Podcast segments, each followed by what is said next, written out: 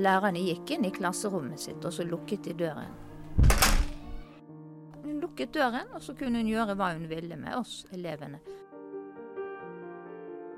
Du hører på Hun lukket døren. En podkast i syv episoder om ting som skjedde bak en lukket dør i et klasserom. Jeg heter Anne Synnevåg, og jeg gikk i den klassen. Denne podkasten er laget med støtte fra bladet Utdanningsnytt. Dette er femte episode. En lang straffelekse og sinte fedre.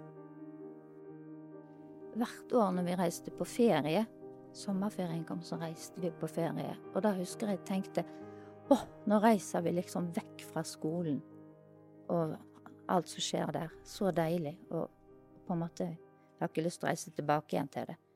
Gro hadde lange, lyse fletter. Hun smilte sjenert og sa nesten ingenting.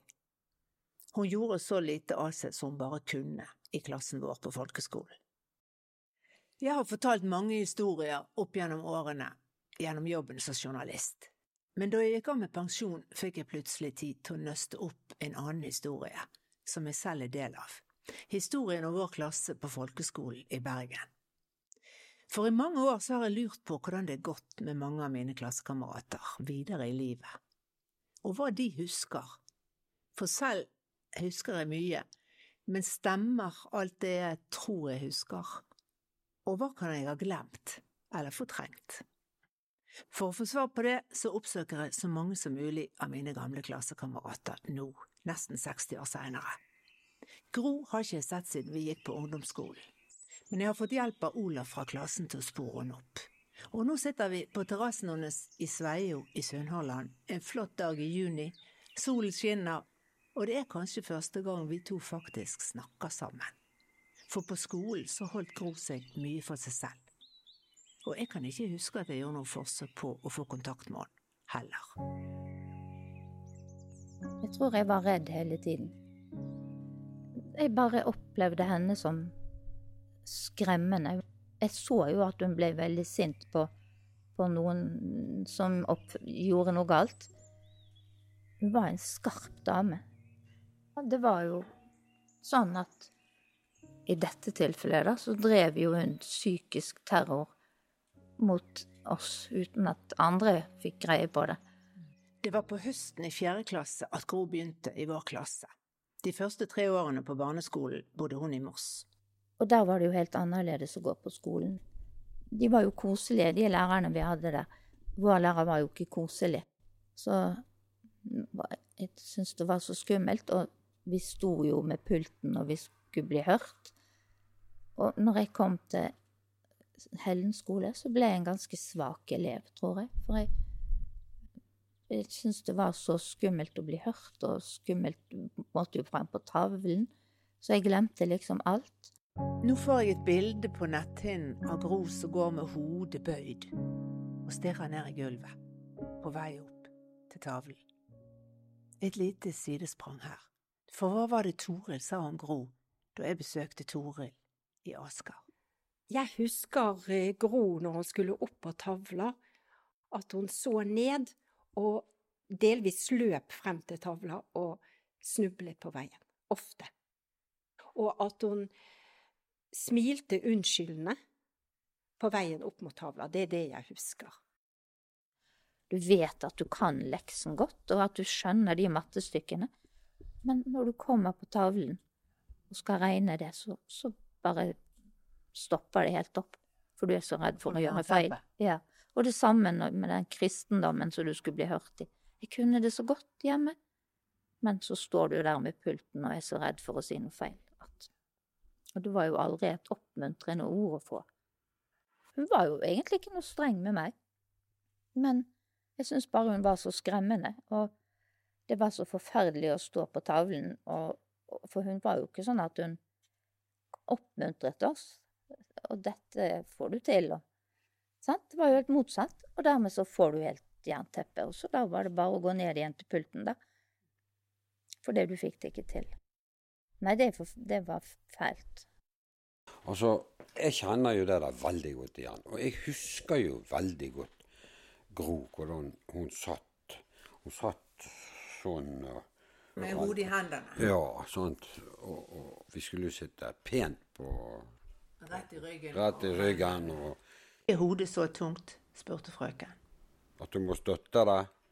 Dette er Olaf. Jeg husker veldig godt at hun hadde problemer, og at hun, at hun av og til også felte tårer. Det gjorde jeg òg, mange ganger.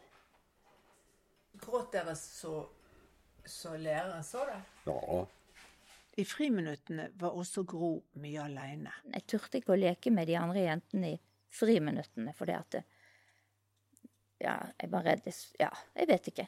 I hvert fall så Og da tenker jeg, tenk om hun hadde Hun kunne jo ha hjulpet oss litt sånn eh, Så vi trivdes jo ikke på skolen. Jeg tror ikke det var mange som trivdes i den klassen.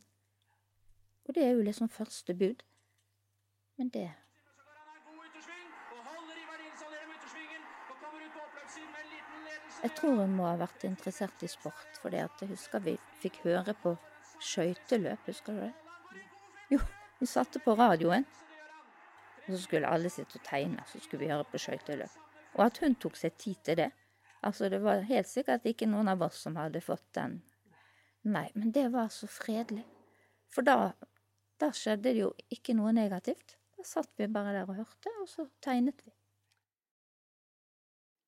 I frøken sine timer var det, som du som hører på, skjønner, streng kustus. Det var musestille i klassen når Gro sto ved pulten og fikk jernteppe. Og det var flere enn Gro som fikk jernteppe, som stammet og stotret og svettet når de ble hørt. En jente, som var flink i alle fag, var likevel så nervøs at hun tisset på seg i timen en gang. Hver dag var det salmesang. Vi pugget salmevers på harde livet i syv år. Og med unntak av 17. mai-sanger, så var det bare salmer vi fikk synge i frøken sine timer. Men en gang, husker Gro og jeg, fikk vi en vikar. Han var vel en forholdsvis ung mann, da. Og han sang. Altså, vi sang med han. Jeg husker vi, la- Var det en gresshoppefar og en gresshoppesønn? Husker du det? Den husker jeg. En gresshoppefar og en gresshoppesønn. Ja, og han- Hoppende langs med en engstelig Ja. grønn. Sant? Og plutselig sto det en Ja, sant. Jeg husker den. den. Og, han, og jeg husker hvor kjekt det var når han lærte oss den sangen. Og så sto han på hodet på kateteret, husker du det? Og da, da, liksom, sånn kan det faktisk være. Og så hadde vi en snill eldre mann i naturfag. Han var kanskje rundt i 60 den gangen. Og da tror jeg vi eh, slo litt ut i blomst. Og, og til og med oss som var veldig forsiktige. Vi, ja, vi snakket med andre og maste, og det var ganske uskyldig, tror jeg. Det var ingen som gjorde noe store sprell. Men da var det sånn politietterforskning etterpå, husker jeg, og tok én og én for seg, og så måtte fortelle hva de hadde gjort. og det husker jeg ennå, hvor forferdelig det var. Og da husker jeg hun sa til meg at også du da, Gro, at du kunne gjøre dette her. Og jeg hadde jo bare mast, altså bare pratet med eh, andre jenter i klassen. Dette var i femte klasse. Og det var noen som hadde hvisket frøken i øret at i naturfagtimene med lærer Gjøvåg, som han het, der var vi ikke bare livlige og bråkete, der fusket vi også. Så i avhørene som frøken da igangsatte, så vidt jeg vet bak Gjøvåg sin rygg, måtte vi tilstå våre synder. Jeg husker jeg hadde hjulpet en som satt ved siden av meg med et svar på en prøve. Og heleren er like god som stjeleren, så det var også fusk. I straffeleksa måtte vi skrive hva vi hadde gjort galt, og så måtte vi skrive at jeg har syndet for Gud og skal aldri gjøre det igjen, og det måtte vi skrive om igjen og om igjen, kanskje 20, kanskje flere ganger. Jeg husker ikke nøyaktig, men mange var det. Og så skulle vi ha foreldrenes underskrift på straffeleksen til neste dag. Men når jeg viste min far denne straffeleksen, da sa han dette skriver ikke jeg under på. Dette er for dumt. Alle barn fjusker, sa min far. Og jeg sa vær så snill å skrive under. Vær så snill, jeg ville jo ikke komme der uten underskrift dagen etterpå. Men min far nektet. Han sa jeg skal skrive et brev til den læreren din som du tar med deg istedenfor. Og sånn ble det. Og da innkalte hun til foreldremøte, Og når mine foreldre kom hjem fra det foreldremøtet, da var min far så sint så jeg sjelden har sett ham.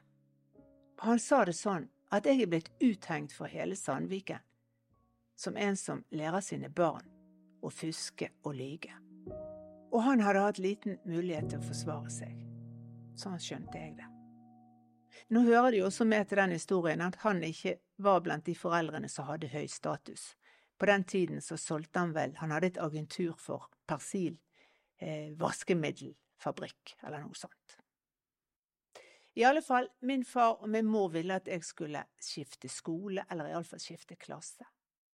Men jeg ville ikke, for jeg hadde jo vennene mine i klassen, så jeg ville ikke det. De insisterte, men jeg sto på mitt.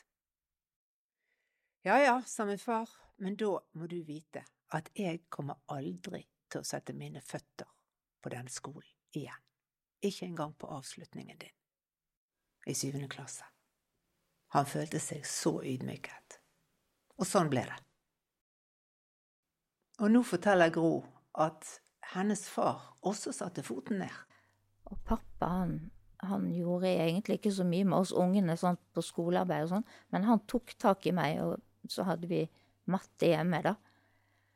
Og jeg husker ikke hvilket trinn det var. Det var kanskje når jeg skulle opp i sjette. Så mente frøken at, at jeg burde gå om igjen. Femte klasse. Fordi at jeg skjønte så lite. Og jeg vet at hun hadde et møte med mamma og pappa, da. Og pappa sa at dette ville han ikke finne seg i. Fordi at han syntes jo at jeg skjønte det godt når vi satt og jobbet med det hjemme. Og eh, så han mente dette var helt feil. Så de trumfet gjennom, sånn at jeg dumpet ikke. Men det var hennes ønske.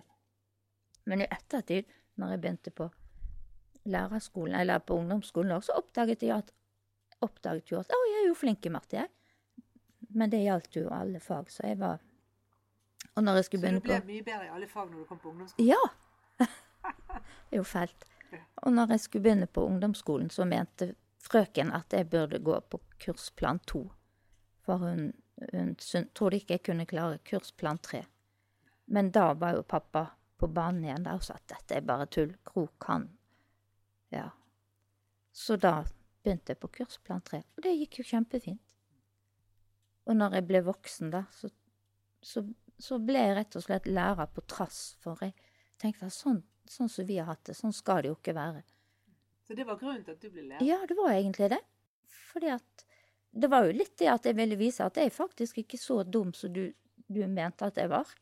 Gro og jeg kom i samme klasse på ungdomsskolen, og Gro var fortsatt den stilleste jenten i klassen. Og så, på videregående, da begynte jeg liksom å skjønne at det var ikke nødvendig, å da ble jeg vel egentlig litt rampete. Sånn Jeg fant på litt tull, liksom. Bare med lærerne og sånn tøys på skolen, men det kunne jeg aldri våget før. Så du kan jo egentlig kue en unge helt Hvis det ikke hadde vært for din far, så hadde du fått en helt annen skolegang. Ja. ja. Men jeg tror jo kanskje når jeg har, vært, har jobbet nå, da, i alle årene jeg jobbet, så var, vektla jeg kanskje det at ungene skulle trives, og klassemiljø og alt sånt. Og det kanskje jeg vektla det nesten altfor mye. Fordi at Ja, med de erfaringene jeg har. Så På bussen fra Sveio tilbake til Bergen sitter jeg og lurer på hvordan vår frøken, som vi hadde som klasseforstander i syv år, var når hun ikke var på skolen. Jeg har tatt kontakt med barna hennes, som i dag er i 70- og 80-årsalderen. De har sagt nei til å delta i denne podkasten. Men Toril, hun fikk en gang et glimt av en frøken som vi aldri opplevde i klassen. En gang så var hun syk over en liten periode, og jeg fikk i oppdrag å ta med blomster og gå hjem til henne. Jeg tror jeg var en sammen med meg, men jeg husker ikke hvem det var. Og så kom vi inn i huset til henne, og der var også familien Sønnen, tror jeg var der, og, og noen andre. Og da var hun så hyggelig at jeg ble helt forvirret. hun var, var et, en helt annet menneske enn det hun fremsto i klasserommet. Men det var også veldig hyggelig, da, å se en sånn side av henne. Og ikke alle jeg har snakket med fra klassen vår den gangen, mener at vår frøken var så spesiell. Eh, Hun var jo streng, tror jeg vi kan si. Hun var streng. Utover det så Altså, hun var jo ikke Hun var ikke, hun var ikke, hun var ikke tjommi med oss. Sant? Det var, det var en avstand mellom oss og det. Men var ikke det sånn som det var da? På den tiden? Jeg oppfattet det som normal måte å gjøre det, være på for en lærer. Skråstrek lærerinne. Da het det jo lærerinne. Det vil si det het vel frøken, selv om hun var gift. Sant? Dette er Gisle. Jeg møter han i en hotellobby i Oslo, der han er på konferanse og nettopp har holdt et innlegg. Jeg er høyskolelektor på, i matematikk og fysikk, underviser jeg stort sett, eh, på Høgskolen på Vestlandet i Haugesund. Jeg hadde den ene gangen det var en stil, jeg hadde skrevet noe, sikkert kanskje noe dumt, litt flåsete og sånn, så det, det var unødvendig av hun å lese opp for hele klassen. Det er det eneste jeg kan huske at jeg har eh, eh, vært litt frustrert. Så leste han jo opp for at, går jeg ut igjen, for at alle skulle skjønne hva de ikke skulle skrive. Sant? Husker du hva du Ja, altså jeg syns det var Altså da syns jeg Da bare irriterte det meg. Men uh, sånn i ettertid, etter at jeg sjøl har undervist, så ville jeg aldri ha gjort det. Husker du noe om hvordan han oppførte seg mot andre i klassen? Eh, Nei, jeg eh, skal innrømme det. Altså, det var nok sikkert Altså, det var jo en del som fikk kjeft. Men jeg vet ikke hvordan eh, Kjeft da på, det, på, på den tiden så var jo kjeft en del av omgangstonen. Sånn, Altså, det er ikke sånn som nå. Og særlig nå i det siste, så du har fått med disse her eh, som blir så djupt såra over områdene. Eh, og sånn så det. Altså, lærerne var jo da autoriteter. Altså, de kunne, vi skulle lære.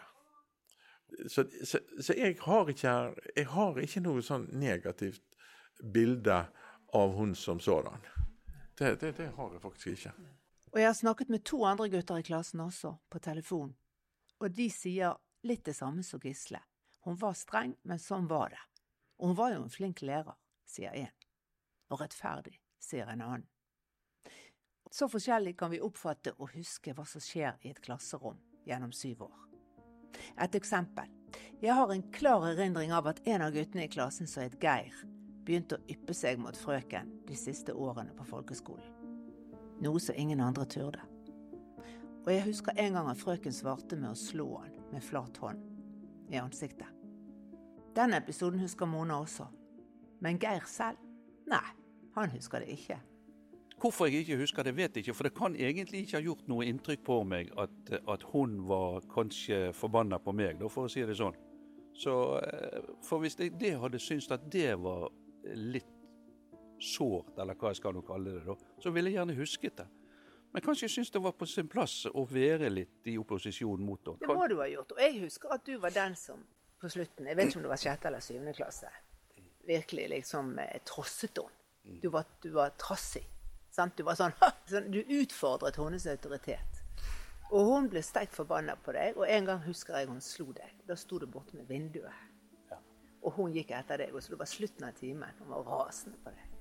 Nei, altså, jeg, jeg kan overhodet ikke minnes det. Og det syns jeg er litt rart, for, for sånne ting eh, fra skoletiden som, som du kanskje syns var helt hinsides som skulle si, ville du kanskje husket. Men kanskje jeg tenkte det at eh, denne trengte du kanskje. Jeg vet ikke. Hun slo deg med flat hånd Ja, på vel. kinnet. Ja. Så hvis dag, jeg, hvis jeg husker riktig. ja. I dag hadde du blitt satt inn. Hvis du gjør det samme. Ja, det hadde vi kanskje. I hvert fall ikke beholdt lærerjobben din så lenge. Nei. Eh, Vi hadde Jeg vil ikke si respekt for henne, for det er feil å bruke ordet respekt, men vi var redd henne på en måte. At, eh, for det at hun kunne liksom eh, Ja, hun kunne rett og slett være en heks med deg hvis hun satte den siden til. Hun var sikkert en flink lærer for, fordi at vi måtte jo lære det meste utenat. Salmevers, gangetabeller. Og eh, selvfølgelig hadde vi eh, sikkert godt av det, eh, men eh, det var jo ikke alltid så greit å måtte reise seg opp ved siden av pulten. Når de fikk de stikkende øynene på deg, så kunne du få et jernteppe, altså. Selv om du aldri så mye kunne det på rams vanligvis.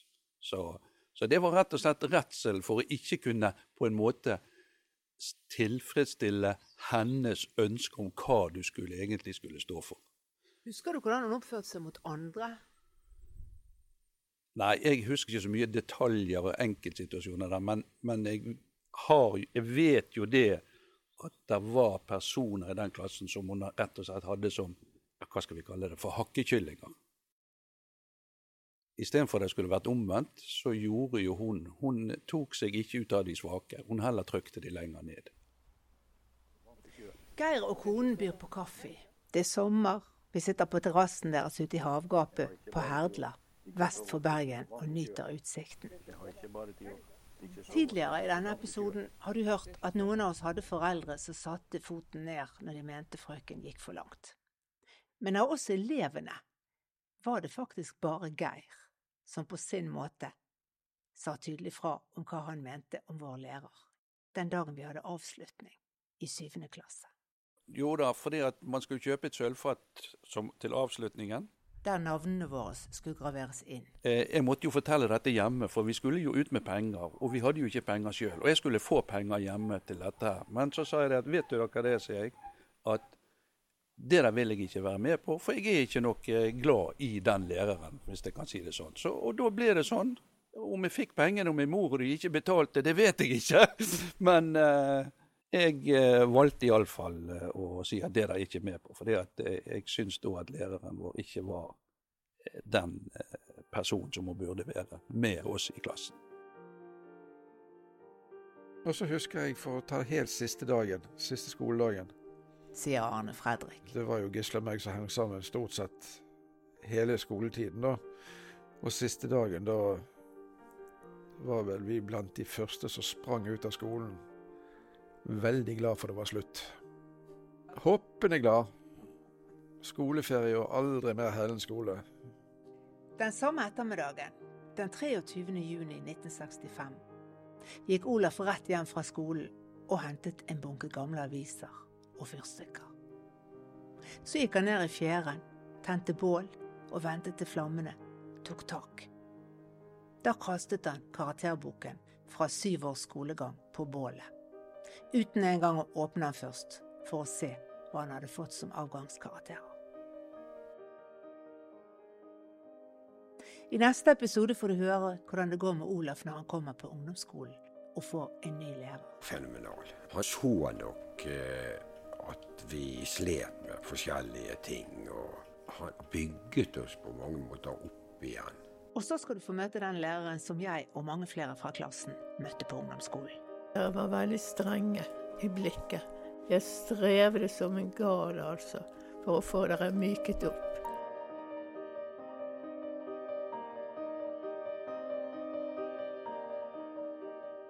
Du har hørt del fem av podkasten Hun lukket døren, som er laget med støtte fra Utdanningsnytt, bladet til Utdanningsforbundet. Jeg heter Anne Sundevåg. Øystein Vesaas har bistått med lyddesign, og Kasper Sundevåg med gode innspill. Takk for at du hører på.